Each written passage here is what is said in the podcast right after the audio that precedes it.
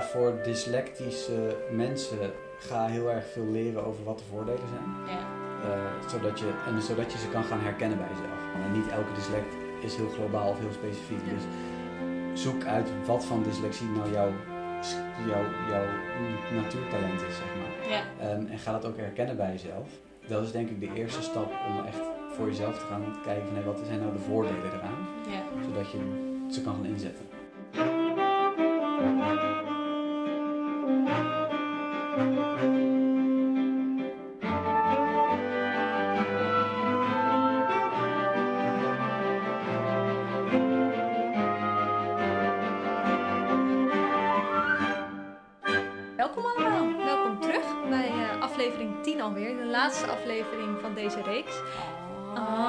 We zitten hier vandaag niet met z'n tweeën.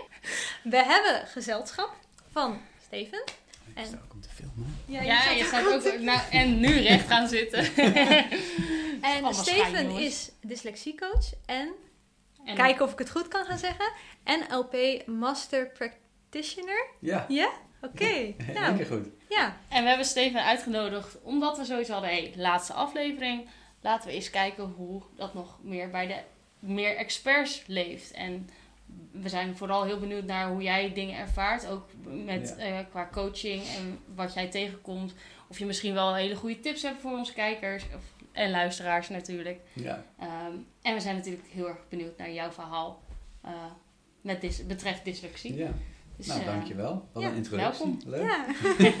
nou, laten we beginnen dan bij het begin. Want Ja. eh, je hebt dyslexie. Ja, Eh, is dat bij jou ook gewoon op de basisschool geconstateerd? Of? ja, in groep 5 Oh is, ja. dat, is het officieel geworden, zeg maar. Een beetje rond die leeftijd. En was voor, voornamelijk omdat het lezen gewoon echt... Het ging echt heel slecht. Ja. En taal, spelling, grammatica was ook heel erg slecht. Ehm, en de rest was eigenlijk, ja, goed genoeg, denk ik. Met heel erg slecht kan je benoemen hoe, hoe ver je achterliep op de Ja, klas? ik las in groep 8 las ik op het niveau van groep 5. Oh ja, Dus dus dan dan moest ik- drie jaar eh Ja. achter. Ehm, en in groep, ja, dan in groep 5 volgens mij ging ik dan lezen in groep, eh, groep 3. Zeg maar, dat eh, deed ik dan Ja. allemaal opnieuw. Ehm, en dat was ja, niet per se heel erg leuk. Nee. Nee. Het was wel fijn om, Ja. om de verklaring te krijgen, omdat je dan een soort van. Dan heb je een soort van externe bevestiging dat er niet per se iets is mis, dat je niet per se dom bent of zo, maar dat er gewoon echt iets aan de hand is wel. Ja. Ja. Viel er toen ook dan een soort last van je schouders af als kind? Nee, want het was nog steeds dat ik het niet kon. Nee. Nee. het was nu al was er alleen een papiertje met Ja. het bewijs ervan. Ik vond het ook als kind heel erg irritant als er dan een soort van. eh, de- remedial teacher of zo was die dan zei: Ja, maar Einstein was ook dyslectisch. En ik dacht: Ja, dat is leuk, maar ik ben Einstein niet. nee, hebben we het inderdaad Heel ook over herkenbaar, gehad. ja. Dat is echt... Oh. Ja. En toen had je de dyslexie, eh, dyslexie zo, dyslexieverklaring. Ja. Goed. En dan krijg je zeg maar, iets meer hulp. Dus dan krijg je Ja. eh, naast school bijles, wat natuurlijk helemaal niet leuk is. Had je dat na schooltijd? Ja, ja ook Oh. wel tijdens. Het begon Ja. met tijdens geloof ik, maar ook wel na.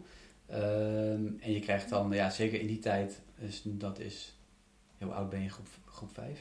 Eh, negen. 9, ja, dus dat is eh, ruim 20 jaar geleden. Ehm, dan heb je, ja, dan, toen wisten ze nog minder over dyslexie, dus dan krijg je voornamelijk een grotere, grotere print. Ja. Wat ik altijd heel vervelend vond, want het maakte het alleen maar lastiger met bladeren. En het was Ja. niet dat er iets mis was met mijn ogen, dat kwam later pas. Toen kreeg ik een bril en zo. Zo Ehm, herkenbaar alles. Ja. maar toen, ehm, ja, toen, toen kreeg ik wel meer hulp. Ehm, en dat was, ja, dat was wel fijn. Maar niet per se...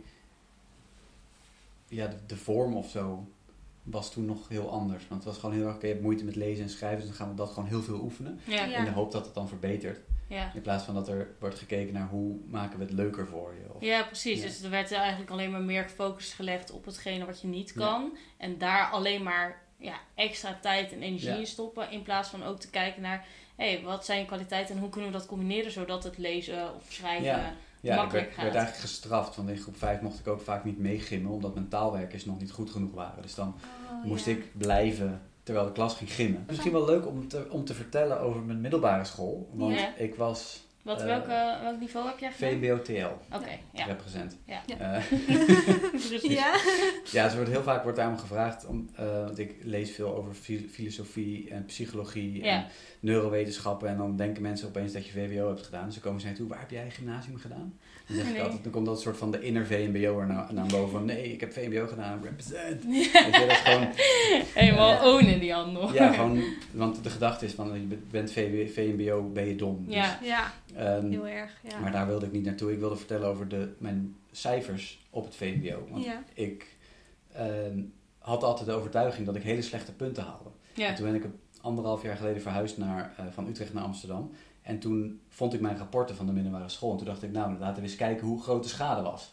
En toen ehm, was eigenlijk mijn eerste rapport was slecht. Ja. En toen schreef de mentor, had eronder geschreven, ik weet dat je beter kan, zet hem op. Ehm, en vanaf dat punt ging het wel iets omhoog. Nog steeds niet heel goed, maar zeg maar 6, 7. Ehm, en wat me het meest verbaasde was dat ik met een 8 voor Nederlands mijn eindexamen inging. En dat ik echt dacht, ja, maar dat was altijd mijn slechtste vak, dat kan helemaal niet. En toen ging ik erover nadenken. Toen herinnerde ik me een, eh, een docent ehm, van, de, van, van, eh, van het laatste jaar. En ik kan me nog heel goed herinneren dat ik, dat we zo, krijg je zo'n boekenlijst met deze boeken moet jij lezen voor, één kies er eentje. Ja. Ja. En ik zat zo die lijst te kijken zo, en ik dacht, ja, dit is echt natuurlijk helemaal niks. En toen zag zij op een of andere manier zag zij een soort van twijfel of zo. Ze zag iets aan mij. Ze zei van, ja, wat, wat is het? Ik zei, ja, er staat niks op waarvan ik denk, nou, dat wil ik wel lezen. Ja. Ja. En toen zei ze, wat zou je dan willen lezen? Toen zei ik van, ja, ik wil eigenlijk wel een boek over de Tweede Wereldoorlog of zo lezen. Toen zei ze, dan doe je dat toch? Ja. En toen dacht ik echt, wat?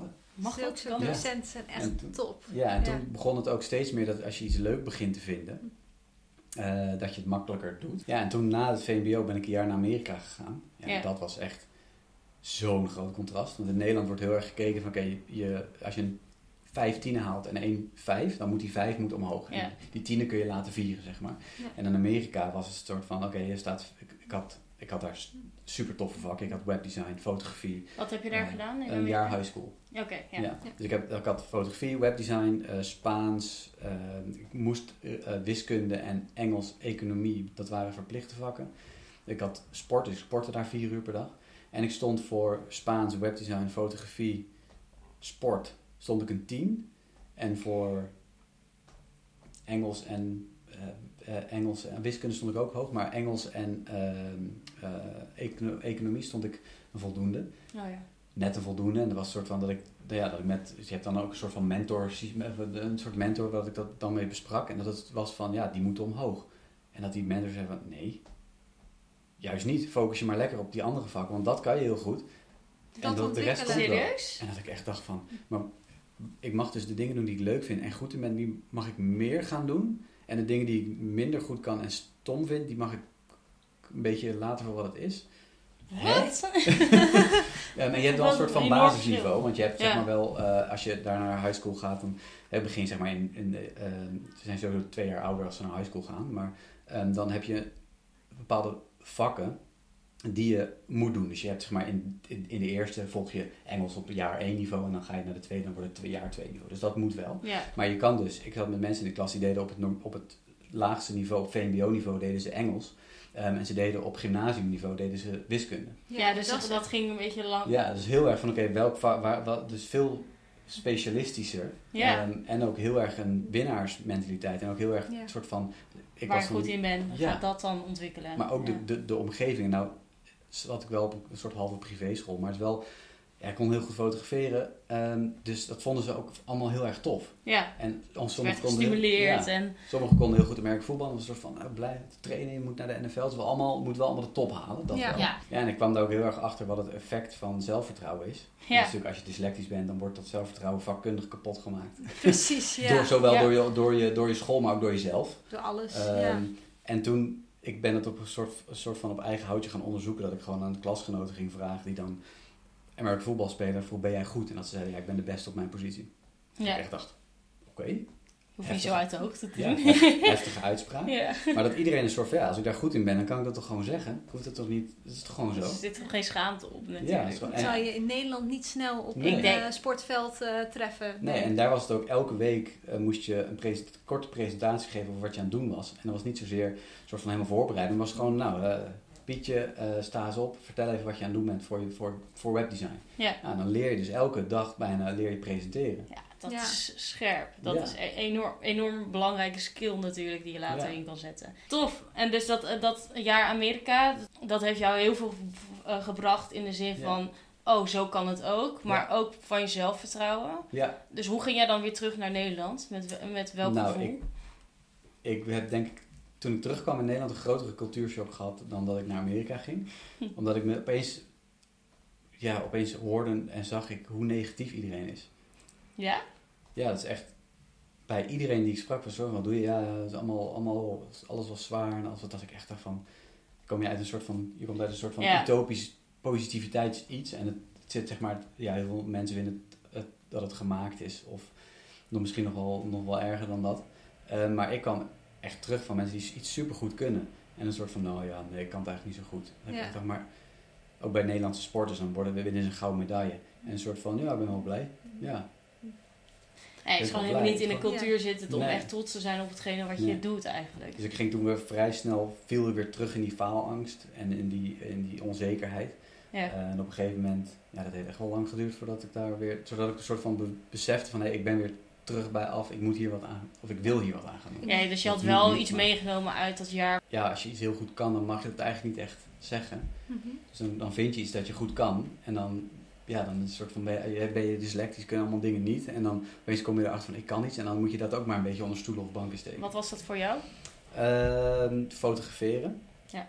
Ehm, en eigenlijk, maar dat is, dat, daar ben ik sinds een paar jaar pas achter, dat ik misschien nog wel beter les kan geven dan dat ik eh, kan fotograferen. Want ik vond het veel leuker om dingen uit te leggen aan anderen dan dat ik het zelf deed. Maar ook, eh, ik vond het veel leuker als iemand in de klas een mooie opdracht had of een expositie kreeg of een, ah, eh, een galerie benaderde die persoon dat ik echt dacht van oh dat is vet. En als ik het zelf had dacht ik iets van oh nee dat wil ik helemaal niet. Dus ik vond het Ja. veel leuker om een soort vanuit de achtergrond mensen met dingen te helpen. Ja. ja en ik weet niet of dat, ik denk wel dat dat ook iets is wat vanuit de onzekerheid komt dat je niet Ja. in de spotlight Ja. wil staan. Mhm. Eh, maar ik vind het ook gewoon heel erg leuk om dingen aan mensen uit te leggen. Ja. Dingen te leren en Dat je, dat je ziet dat het bij hen gaat werken Ja, en dat, dat- er ja. iets gebeurt. dat ze er wat aan hebben en dat ze er beter van worden. Ja.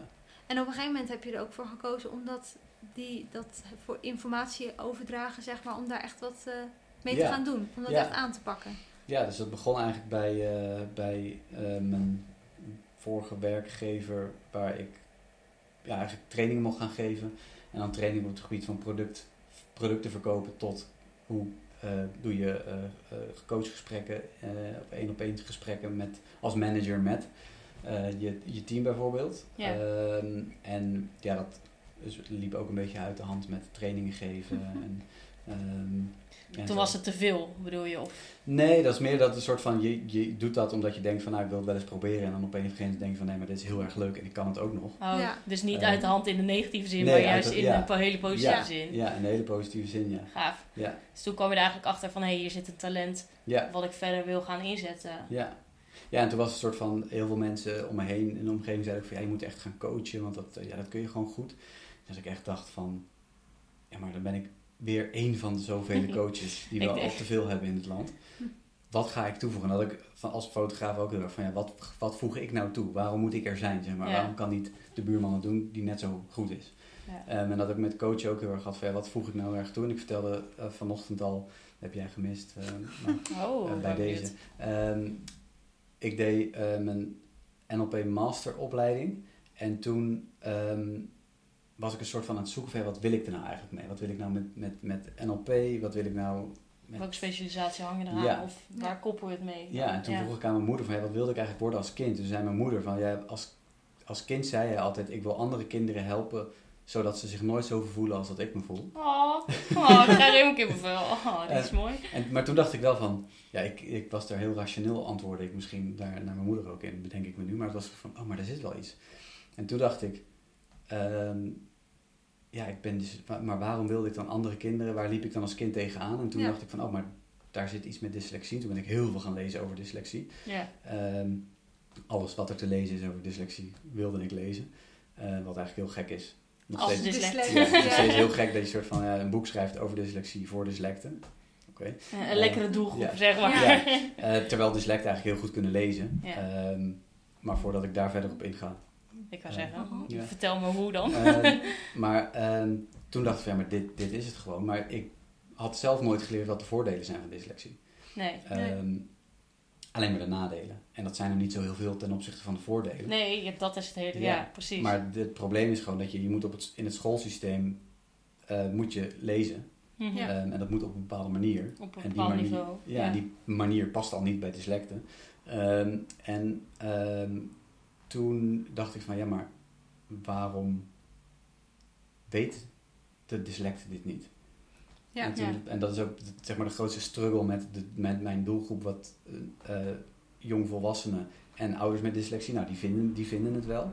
Maar jongvolwassenen met dyslexie, die weten helemaal niet wat de voordelen zijn. Dus heel veel vraag ik van, toen ik zeg maar marktonderzoek ging doen van, hey, naar, bij de mensen met dyslexie, van hey, hoe ga je om met je dyslexie? Ja, ik heb ermee leren leven.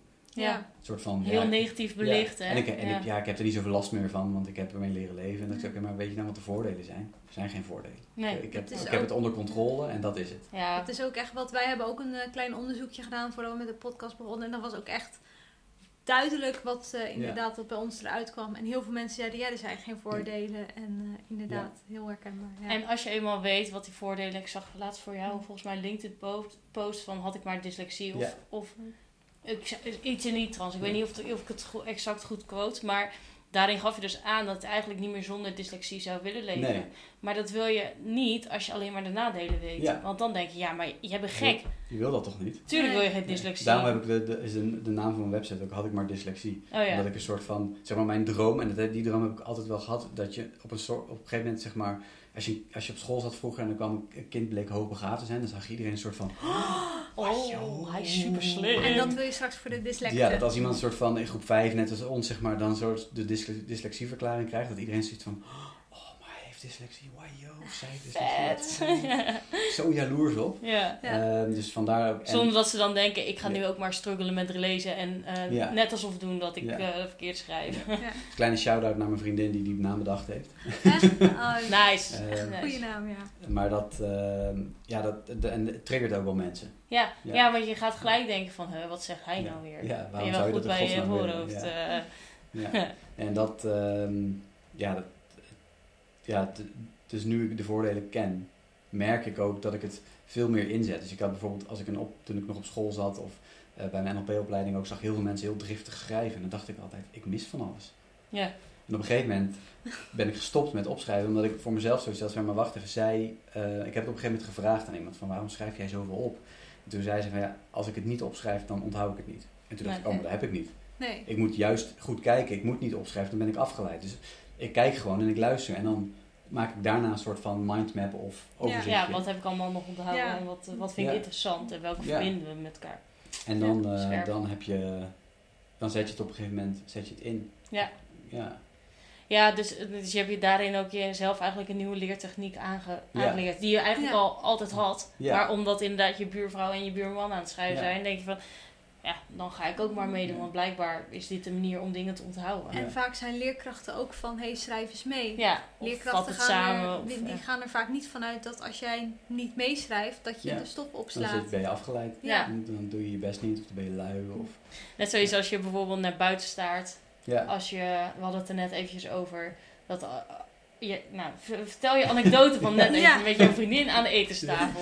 Ja. Ja, dat eh, was, mijn, eh, was mijn nicht met haar, met Oh, met je haar, eh, met haar kind. Die, ehm, oh ja, dat kunnen we natuurlijk op beeld laten zien. Dat is eigenlijk best een goed idee, vind ik. Ja, en dan ondertussen met je handen. Ja, wat je dus, ehm, ja, wat ik dus vertelde, is dat je oogbewegingen activeren een bepaald deel van je hersenen. Dus als je omhoog kijkt, is dat dus het visuele gedeelte, horizontaal is auditief. En dan naar beneden zit de zelfspraak en het gevoel. En dat is een beetje afhankelijk of je links of rechtshandig bent, of het dan constructie of herinnering is. Ehm, maar als je leest, dan zit je over het algemeen zit je zo. Naar En- beneden. En, en, zeker, moet niet te dicht. eh, Dan krijg je Oh ja. ruzie met die. Eh, maar als je, zeg maar, en zeker kinderen, die moeten dus, hè, dan moeten ze op school, boek op tafel, dan moeten ze zo gaan zitten lezen. Ja, erboven hangen, dus Ja. naar beneden kijken. Dus naar beneden kijken. En wat er dan gebeurt, is je leest van links naar rechts. Dus dan ga je van zelfspraak naar gevoel. Dus ik kan het niet, ik voel me, ik voel me niet lekker. Ik, kan het, ik, ik vind dit stom. Ik, nou, zo, en dat Ja. blijft zo gaan. Ja, Ja. Dus de, de tip is, en ik lees ook heel vaak als het staand, of ik, zeg, Ja. of ik lees zo, ehm, zet het boek zo omhoog. omhoog, ja. Ehm, dus doe dat boek omhoog, zodat je uit dat gevoel komt Mhm. ehm, en je visuele superioriteit aanzet, want dat hebben we natuurlijk. En de tweede tip die ik nu, waar je net van zei, oh die wil ik wel weten, is sinds ik sneller ben gaan lezen, lees ik veel beter. Want wat het, wat, wat het ding is, je leest het woord voor woord, want zo leer je lezen. Ja. Je leest Ja. het woord voor woord en dan staat er een auto. Nou, dan zit ik in mijn hoofd alweer op, bij een vakantie die ik had. Ja, Ja. ja. Dus, wat ik, dus ik merk gewoon dat als ik, als ik heel erg dingen voor me zie, dan weet ik ook, ik lees niet snel genoeg. Dan ga ik gewoon sneller lezen. Ja. En, Ah. en als dyslect heb je ook een eh, sterk perifere blikveld. Dus, je, eh, dus de meeste mensen die hebben een soort van, ja, ik kan het ook laten zien.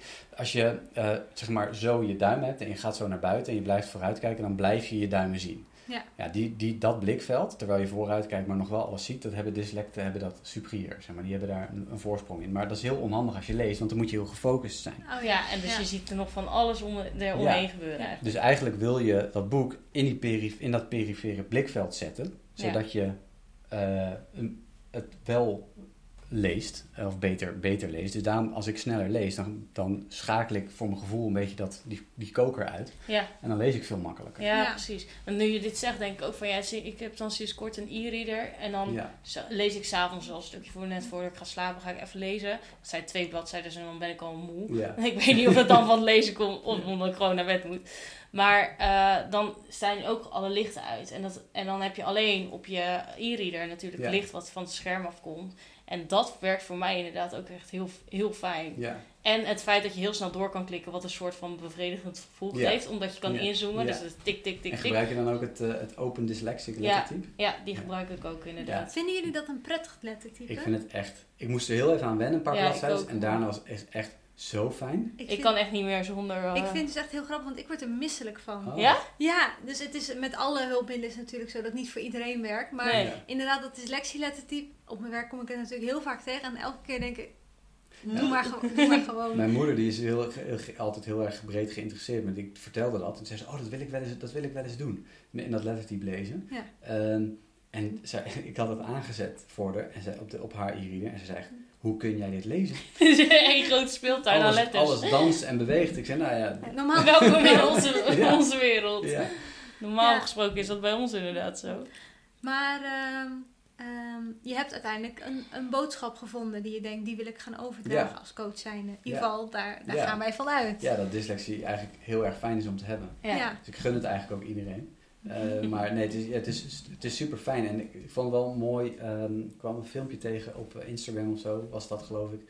Eh, volgens mij was het van Made by Dyslexia, maar dat weet ik niet helemaal meer zeker. Moeten we nog even fact checken. Een bronvermelding. Maar zij zei van het, is, het schoolsysteem, zoals we dat hebben nou, in Engeland dan, of maar in ieder geval in Nederland is dat ook, is eigenlijk erger voor niet-dyslecten dan voor wel-dyslecten. Want zeg maar, als je naar, ehm, zeg maar, je, nou, je- wij hebben dan, ehm, we gaan dan naar school, is allemaal heel moeilijk, dan leer je al omgaan met tegenslagen. Ja. Mhm. Hè, je leert dat als je keihard werkt, er alles aan doet, zo, Dat je uren, komt- uren, ja. uren, dat het alsnog een onvoldoende is. Ja. Ja. Dus dat, dat, dat, dat, dat, eh, dat is winst één.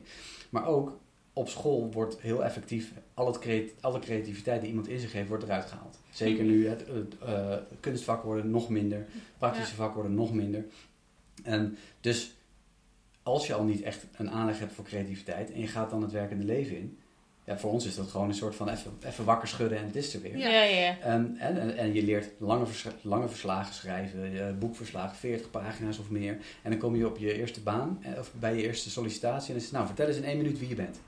Wat? Eh, ja. En wij als dyslect hebben natuurlijk een, een, een langere verbindingen in het brein. Ehm, en daardoor kunnen we verbindingen makkelijker leggen, maar kunnen we ook makkelijker stappen overslaan. Ja. Nou, als je even snel iets over jezelf moet vertellen, dan ga je gewoon even zo tak, tak, tak er doorheen en dan, nee, nou, dit is wie ik ben. Ja. Ja, als je dan niet dyslectisch bent en, je bent, en dat is eruit ge- ge- ge- geslagen op school, ja, dan Moet je dat echt vast. opnieuw gaan aanleren, wil je Ja. het... eh, ja. En als je, leren. als je makkelijk kan leren, dan ehm, lo- doorloop je redelijk makkelijk de middelbare school. Eh, krijg je altijd goede cijfers, je wordt helemaal geprezen, je bent zo fantastisch. En dan kom je op je werk en dan maak je een fout.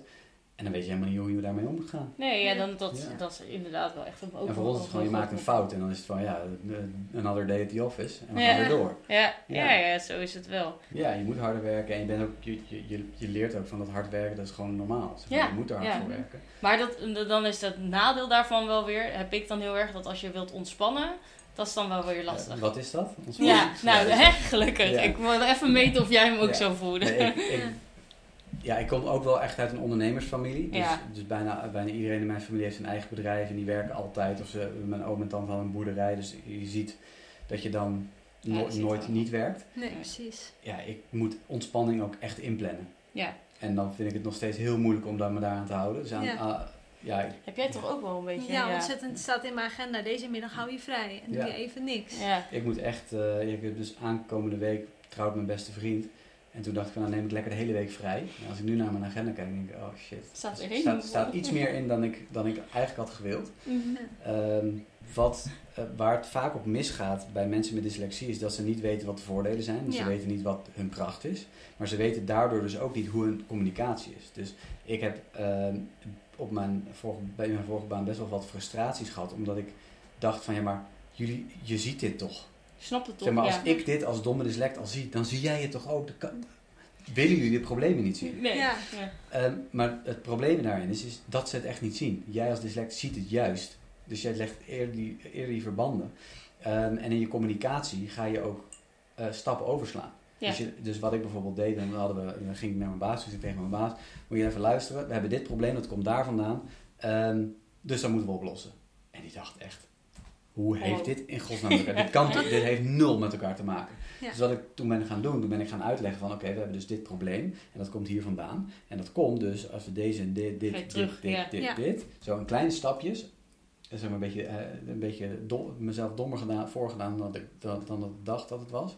Zeg maar heel erg kleine stapjes en toen was het in één keer van, holy shit, ja maar dit is echt, dit, is heel belangrijk. Ja. En ik dacht, hè hè, Maar als je, stel je zou- zou dezelfde situatie hebben. En je hebt die A naar Z. Jij hebt Z Ja. is de oplossing, A Ja. is het probleem. ja. Ehm, en jij zegt nu, ja, dan ga ik bij Z start ik en dan ga Ja. ik terugdenken. Zou je dat andersom ook kunnen? Ja, als je die kleine stapjes maar neemt. Ja. Dus, Dus dan echt- moet je jezelf dwingen om echt die Ja, kleine eh Ja. stappen En er zijn heel veel, zeg maar, heel veel mensen met dyslexie die dus net als wij de overtuiging hebben of hadden dat ze dom zijn. Ja. Ja. Dus dan ga je ook nog eens denken van ja, maar mijn manier van denken is al zo dom. Als, ik, als ze dat al niet snappen, dan ben ik nog dommer dan ik wel dacht dat ik al dom Ja. was. Ja. Ja. Dus, dus je, je slaat letterlijk stappen over en je kan heel makkelijk verbanden leggen. Maar die tussenstapjes moet je wel eventjes vertellen. Mijn vriendin die, zegt, die roept altijd, als ik, eh, als ik weer een of ander verband leg, dat, dan roept ze dat tussenstapjes. Ja. Eh, gewoon omdat ze weet dat ik dan stukken oversla. Ja. En in mijn hoofd is dat heel erg logisch. Ik heb dus, mijn vader is ook heel, heel dyslectisch en fotograaf.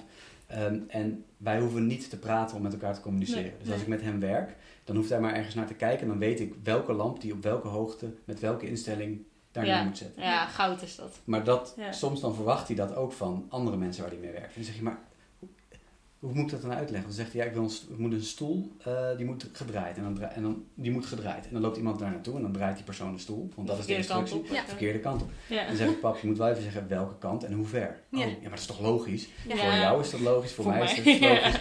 Voor anderen is dat niet logisch. Nee, Ja, dus heel veel dingen waarvan wij denken als dyslect, ja maar dat is toch logisch? is Want niet. ik ben dom en dyslectisch. Is het, is voor anderen, eh, die hebben dan een paar tussenstappen nodig. Ja, ja. En dat zijn een van de dingen die, je daar, ja, die ik dan he- anderen help om daar bewust van te worden. Ja, ik heb het ook bijvoorbeeld met als ik bij opdrachtgevers zit en ik heb het eerste gesprek, dat heb ik wel eerder verteld, maar dan, ehm, dan op het moment dat zij aan het praten zijn, zie ik al voor me hoe dat beeld eruit moet gaan zien. Ja. Welke sfeer dat neer moet zetten, welke emotie dat moet overbrengen. Super vet. Ik had dat nooit echt uitgesproken. Eerst wachtte ik altijd heel lang voordat ik dan ging vertellen. Want hè, ze betalen wel ergens voor. Dus we moeten eerst Ja. brainstorm moeten alles hele mikmak omheen gooien. Zodat, eh, zodat ik het later kan eh, beargumenteren hoe ik ben gekomen op het idee. Maar het idee was eigenlijk al in het eerste gesprek. Nou, wat ik nu ben aan het doen ben, is dat ik dat idee gelijk deel. En dat zij dan zeggen, ja, maar hoe kom je eraan? En dan terug gaan werken inderdaad. Jij zei net dit, toen gebeurde dit.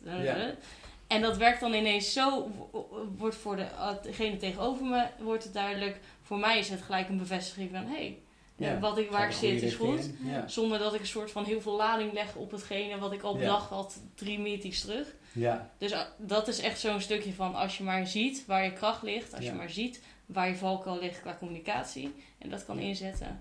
Ja, en als je, als je weet van, je, van als je, je bent dyslectisch en er zijn natuurlijk allerlei gradaties in. Dus je hebt ook mensen met dyslexie die heel erg goed zijn in details. Oh ja, Ja. Eh, maar eh, kom daar voor jezelf achter van waar ligt nou dat talent. En als je weet van jezelf, oké, ik ben heel erg goed in de grote lijnen eh, eh, in, in kaart brengen of in kaart houden. Ja, dat is misschien een managementfunctie veel handiger voor je, omdat je dan Ja. het grote plaatje moet, moet blijven zien. Ja, ja. Ehm, alleen als je dat niet weet van jezelf, kun je er ook niet, kun je er ook niet eh, je, je talent van maken. Hoe ga je met iemand daar nou op zoek? Als je...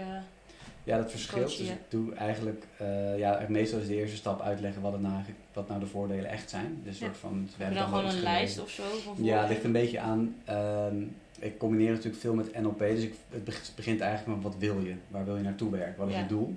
Ehm, omdat je vanuit NLP werk je heel erg van, nou, je hebt een doel en je hebt een, hoe het nu is. Ehm, en iets houdt jou tegen om bij dat doel te komen. Ja, Nou, en wat je vaak ziet bij mensen met dyslexie, dat dat faalangst is. Dat was bij mezelf ook. Eh, maar dat kan, kan van alles zijn. Ehm, en dan ga je eigenlijk ehm, dat combineren met je dyslectische talenten. Ehm, en dat, ja, dat eh, kan ik aan mezelf als voorbeeld eh, misschien nemen. Ik heb heel lang echt, echt hardnekkig geloofd dat ik heel erg dom ben. Mhm. En dat is echt sinds een paar jaar is dat, is dat nou weg zou ik het niet willen noemen, maar het is wel, ik ben heel erg gaan kijken van wat wil dat deel van mij dan mij vertellen. ja. Waarom ik zo graag wil geloven dat ik dom ben. Ja. Dat is eigenlijk meer uit zelfbescherming. Het was een soort van, oké, maar kan die zelfbescherming niet op een andere manier ja. dan eh, heel erg negatief over mezelf zijn? Ja. Ehm, en dan tackle je eigenlijk een bepaald faalangstprobleem, ehm, waardoor ik in ging zien van, nee maar wacht even, ik kan eigenlijk heel erg goed het overzicht houden. Oh, misschien moet ik daar dan wat mee gaan doen. Of ik kan heel erg goed met mijn handen werken. Of ik, ja, dat kan, dat kan van alles zijn. Dus heel, ja, Dus aan de hand van dat doel ga je gewoon kijken van oké, wat zit er dan tussen? ja, En dat ga je uitpluizen van oké, maar Ja. hoe, hoe kunnen we dat omdraaien naar Ja. hetgene wat je ook wel in je hebt zitten? ja. En ook, hoe kun je, kan jouw dyslexie jou daarbij helpen? Ja, Dus bijvoorbeeld dingen onthouden. Ja, ik doe dat nu gewoon in mijn hoofd. ja, Eh, dingen voor, voor me zien. Ik weet gewoon bij mezelf, heel, misschien een heel klein voorbeeld. Ik weet gewoon als mijn wekker gaat, dat ik even een kwartier lang even alles voorbij moet zien komen. Van wat ik die nacht allemaal heb beleefd. Ja. Ik droom, Droom je heel veel? erg. Ja, ik droom heel Droom veel. jij veel? Ik droom aardig veel. Ja, ik ook. Ik droom echt Is, heel ook- erg is dat veel. ook een ding van Ja, dat weet ik eigenlijk niet. Nou, iedereen, ik denk dat het meer is, iedereen droomt veel. Ja, Alleen sommigen onthouden ook veel en anderen niet. Ja, wij Misschien zijn dat natuurlijk visueel. Ja. En dromen doe je volgens mij nou ja, voornamelijk visueel. ja. Ja, En dan eh onthoud je dat makkelijker. Maar ik moet dat gewoon even verwerken. Want ik Ja. heb ook wel gedacht van, nou gaat de wekker, dan moet ik uit bed, want dat hoort. Ja, ik moet gewoon heel eventjes alles verwerken. En dan, dus jezelf leren kennen is ook een groot onderdeel van de trajecten, zeg maar. Dat je, Ja. je be- beseft waar ben je goed in, eh, welke dingen zijn zoals ze zijn. En vanuit NLP gaan we er heel erg vanuit dat elk gedrag positieve intentie heeft. ja. Eh, dus heel vaak ehm, is het soort van, nou, je hebt dan die hindernis en die hindernis moet eruit. Dat Ja. moet weg. Nee, Ja. die hindernis die zit daar met een reden. Die wil iets goeds voor jou doen. Dus in mijn geval, die faalangst die ik had, die was om mij te beschermen. Alleen, zeg maar, een positieve intentie is niet altijd een positief resultaat. Dus het- ja, dat was niet zo heel prettig om die Nee. faalangst te hebben.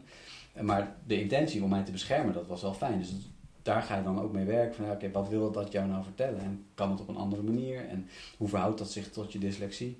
Ehm, en welke dingen zijn puur dyslectisch en welke dingen zijn ooit erin geprent? Dus Ja. mijn faalangst is niet per se iets dyslectisch. Maar dat komt door de school en de moeite die ik heb gehad door mijn dyslexie, krijg je faalangst. Ja. Ja. Kan je faalangst krijgen. Dat is natuurlijk niet elke dyslect gegeven, heeft, nee, eh, heeft precies. faalangst. Maar je ziet het wel vaak bij mensen met Ja. dyslexie dat Ja. ze dat hebben. Maar dat is wel, eh, ja, op zo'n manier gaan we eigenlijk in kaart brengen van nou, waar zit het er nou in en wat wil je bereiken. En dat kan van alles zijn. Ik wil van die overtuiging af of ik heb volgende week een presentatie op mijn werk en ik ben kan zo zelfs zo specifiek zijn. Ja, heel specifiek Ja. kan ook. Ja. Dus ja, dat... eh, En dan doe je meerdere sessies, één sessie. Hoe, wanneer is het probleem opgelost voor jou voor de Ehm, cliënt? Nou, Cliënt. ik ben wel... Ja, het is commercieel niet heel erg handig, denk ik. Maar ik vind eigenlijk wel dat ja, een, een sessie van maximaal acht... Of een, een sessie van maximaal vijf... eh, vind, ik wel, eh, vind ik wel een beetje de limiet, zeg maar. Omdat je dan ja, vanuit... Je kan werken op ver- vermogensniveau. Dus ik wil iets kunnen wat ik nu niet kan. En kun je me daarbij helpen? Nou, dat kun je dus. Ik wil een presentatie kunnen geven. Ik wil on- ontspannen in de auto kunnen zitten. Ja, zo kun je zeg maar voor elk vermogen. Ja, Maar als iemand terugkomt met elke keer een beetje dezelfde soort klachten. ja, ehm, maar elke keer zegt van ja, ik heb nu ik heb heel ontspannen een presentatie kunnen geven. Maar ik was bij mijn schoonouders en ik raakte volledig in paniek. En dan ga ik op, op een ander niveau werken. Dus op, op eh, overtuigingsniveau. Want waarschijnlijk zit er dan iets in iemand die zegt. Je bent gewoon super slecht of zo. Of dan, Ja. ga je, en, want dan tackle je meer het overkoepelende ding. ja, precies. Dan kijk je hem alweer, dan Ja. pak je hem groter uit. Ja, en, dan, eh, en ik ga met alle plezier iemand eh, twee jaar lang elke week coachen.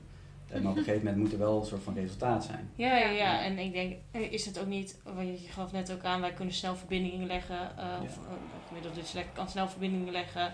Eh, is het dan niet op een gegeven moment ook genoeg voor een, een- zeg maar? Ja. Qua, eh, als ik, ik betrek hem even op mezelf hoor, daarom stel ik ook die vraag van, ik heb bijvoorbeeld als ik eh, coaching heb, dan heb ik er drie maanden max heel erg veel groeien en daarna Ja. valt hij Ja. eh, stag, nou, stagneert niet, maar dan, daarna is hij stabiel en dan heb ik het af, eigenlijk ja. niet meer nodig. Ja. Dat heb ik heel erg geleerd de afgelopen jaren. ja. Merk je dat ook bij jouw doelgroep, dat je, dat, eh, Ehm, dat je een bepaalde periode hebt aan ja, snelle groei?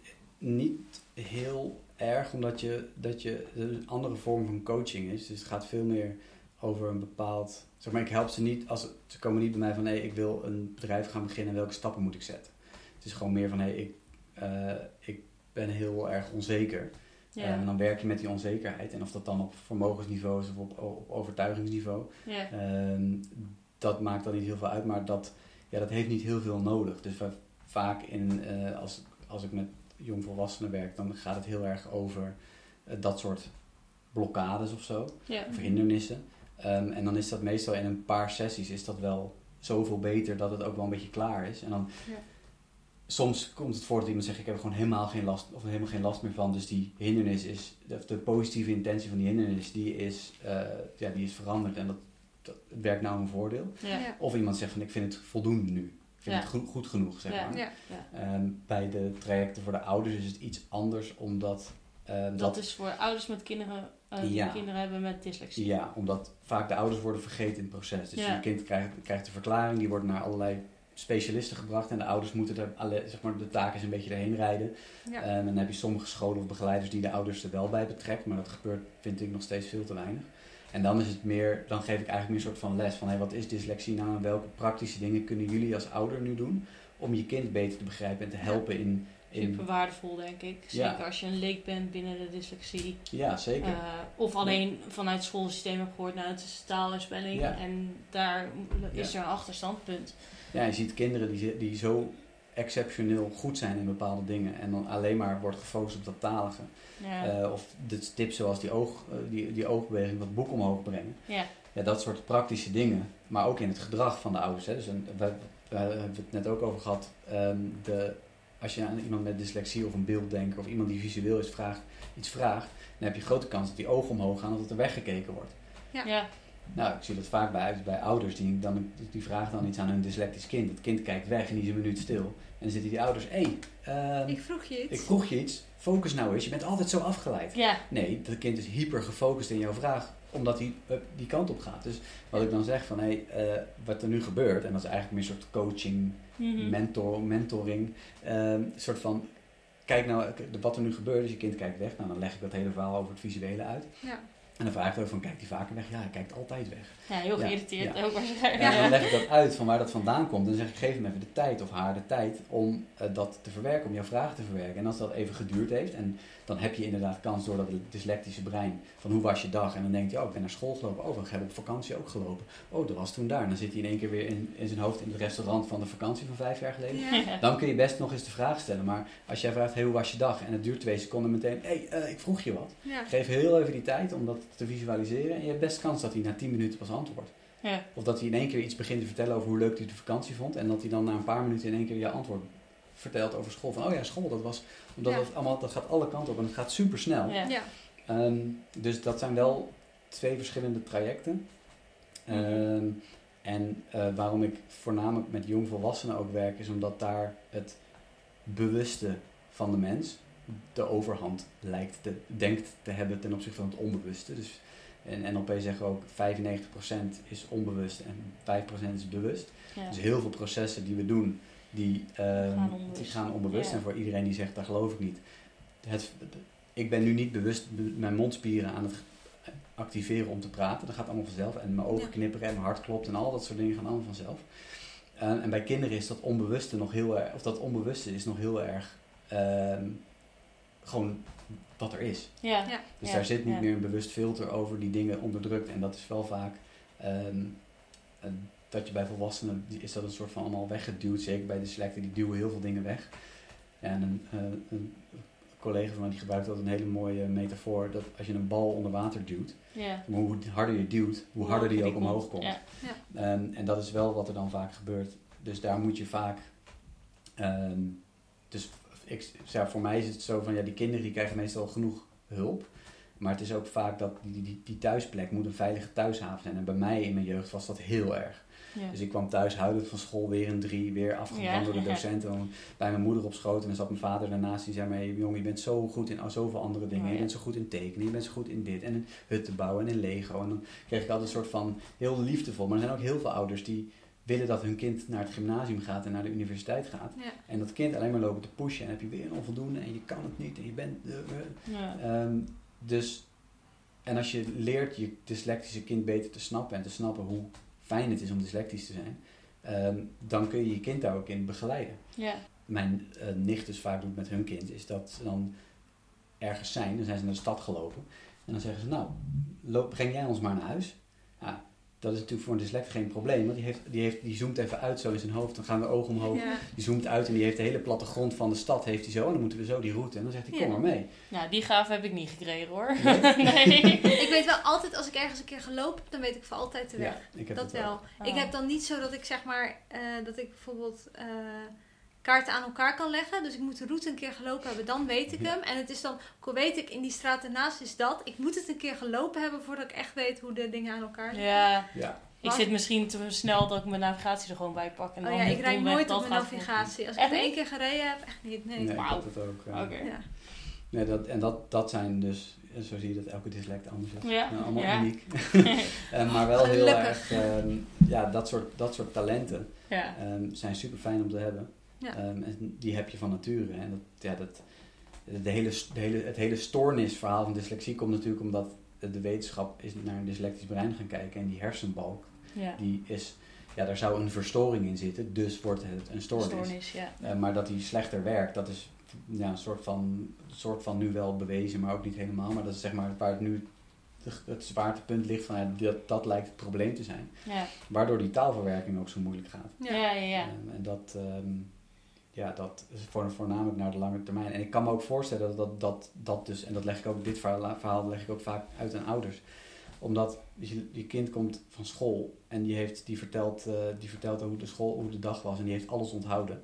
En een week later gaat hij naar school en dan zegt hij, zegt, is hij alles vergeten, omdat dat gewoon niet weggeschreven is. En dan kan, krijg, krijg je weer toch dat je kind lui is. Maar het is Ja. gewoon, en een dyslect is zeg maar het begin van, het, van iets leren. Het begin- begint dat op rechts, eh, de rechtse hersenhelft en dat wordt dan langzaam naar de linker geschreven. Link, link is langer termijn dan. Ja, en dan Ja. omdat die recht, rechterkant bij ons zo dominant is en zo, zo Mhm. goed ontwikkeld is, leren we best wel makkelijk. Ja. Maar het lezen is dan wat moeilijker, want het links zit de talige, maar nieuwe dingen leren, dat doen we heel snel. Ja. En je zal toch, je zal toch leer- een leraar zijn dat je een kind in de le- les hebt, die snapt het het eerst en het best. En een week later doet het kind alsof hij het nog nooit heeft gehoord. Ja. Ik kan me best voorstellen dat het af en toe. Ja, dat, dat lijkt me Ja. ook wel, ja. Dus ik ben ook nu bezig met een soort van. Dus ik ben nu onderzoek aan het doen met, eh, met leerkrachten van hey, waar lopen jullie tegenaan met dyslectische kinderen en kan ik daar een soort van trainingsvorm docenten leren van hey, hoe ga je nou om met een dyslectisch kind. Ehm, zodat ze ook op school, op scholen iets beter snappen wat er gebeurt bij zo'n dyslectisch kind. Ja, want ik denk dat, dat inderdaad, je kan, je- dus je zegt hoe jongvolwassenen, ouders met kinderen dan. Ja. eh, maar uiteindelijk, weet je, als je in dat schoolsysteem nog echt zit, dan word je eigenlijk altijd wel geconfronteerd, veel meer geconfronteerd met je dyslexie en de nadelen daarvan, dan dat je dat in het volwassen leven wel Ja. misschien wel hebt. Ja. Weet je, wel, daar heb je gewoon veel meer eh, ruimte en weet ik veel. En je hoeft niet in een, in een bepaald kadertje te passen, Nee. zeg maar. Ja, al zijn er wel heel veel mensen met dyslexie die ver onder hun niveau, niveau werken. Ja. Eh, ja, omdat ze gewoon geloof ik eigenlijk wel. Ja, ja. En ehm, ik wil eigenlijk zoveel mogelijk. Wat ik gewoon. Wat ik heel tof vind nu op LinkedIn, dat je dyslexic, eh, dyslexic thinking als skill kan toevoegen. Oh, dus LinkedIn. nou, ja, dat gaan we doen. Ga straks ja, even gelijk je de- link zeg maar, ernaar posten. LinkedIn en Richard Branson. Richard Branson is van Virgin Airlines. Ik weet niet of jullie weten wie het is, maar dat is een van de dyslexienamen die je dan altijd hoort van Oh ja, beroemde ja. mensen. Maar die, zei, die is heel erg uitgesproken trots op zijn dyslexie. En die, nee, die hebben ook een, een, ehm, een- Ja, als je zeg maar, daar solliciteert en je hebt dyslexie op je cv staan, dan is dat een pre, zeg maar. Eh, maar die hebben met, samen met LinkedIn hebben zij een uh, dus dyslexic thinking en made by dyslexia. Die, die, dat drietal zeg maar, hebben ervoor gezorgd dat, ehm, dat dyslectisch denken een skill is. Dus je mag dat ook gewoon op je uh, cv dan gaan zetten met trots. Ja, en dat is ook waarom ik die, die, die volwassenen wil aanspreken. Van, als je nou weet hoe het werkt, dan snap je hoe het komt dat jij zo uitblinkt in bepaalde dingen. En dan kun je dat gaan vertellen. Hey, ik ben dyslectisch. Super chill. Ja. En dan komen we op een gegeven moment in een tijd, hopelijk ergens in de wereld, dat iedereen dyslectisch wil zijn. Of dat in ieder geval heel erg, um, ja, dat er heel erg positief gekeken wordt naar dyslexie. Dat je niet meer soort van het wegstopt tijdens een sollicitatie, maar dat je gewoon Precies. zegt van nee, ik ben dyslectisch. En dan zo van, oh chill, oké, okay, wacht Ja, even, plus. Ja, ja. Ja, precies. Oh, heerlijk. ja. Ja. Ik denk dat dat eh, de beste conclusie is Ja. inderdaad. Ehm, dan gaan we afronden. Ja, Ja. Dankjewel voor je komst. Heel graag gedaan. Ik Ja, heel leuk om hier te eh, zijn. Ja, nou, dat is mooi. Dat Ja. was de bedoeling. Yes, we hebben het goed gedaan. ja, dus eh, en eh, nou ja, voor ons gelijk de afronding van deze reeks. Ja, Wij Dat was komen, hem. wij komen nog een keer terug wanneer dat eh, laat het nog even open. blijft een verrassing. wanneer we weer zin hebben.